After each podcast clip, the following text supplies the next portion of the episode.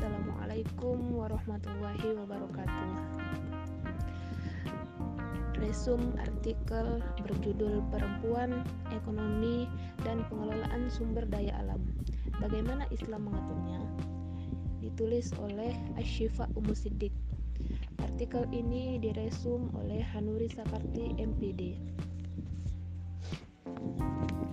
Prioritas utama ekonomi menurut Jokowi adalah meningkatkan inklusi keuangan dan perempuan dengan cara membantu pertumbuhan UMKM yang terdapat andil para perempuan di dalamnya. Besar bantuannya juga tidak main-main, mencapai belasan miliar dolar. Para perempuan pada akhirnya secara tidak sadar dipaksa menjadi pengusaha dan melupakan tugas utamanya mendidik anak dan mengatur rumah tangga. Dari sinilah akan bermunculan masalah-masalah dalam kehidupan yang marak terjadi belakangan ini. Sebut saja angka perceraian yang meningkat tajam, mundurnya generasi, bahkan sampai kepada kasus pelecehan anak di bawah umur dan lain sebagainya yang korbannya sebagian besar adalah anak-anak. Tentu ini tak lepas dari pengaruh para ibu yang tidak leluasa dalam mengurus rumah tangga dikarenakan disibukkan dalam urusan pekerjaan luar rumah. Hal-hal seperti ini tentu saja tidak akan terjadi jika kita menerapkan sistem Islam secara kafah.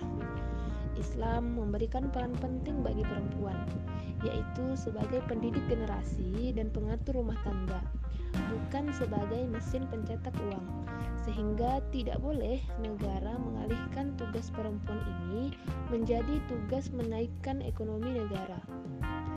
Pengaturan pendapatan negara dalam diperoleh dari pengelolaan sumber daya alam, jizyah, khoroj, gonimah, fai, harta tak bertuan, dan lain-lain. Semua ini digunakan negara untuk memenuhi kebutuhan negara sehingga tidak perlu lagi peran perempuan dalam menaikkan ekonomi negara. Islam menempatkan segala sesuatu sesuai fungsi dan fitrahnya, bukan sekadar asas materi semata.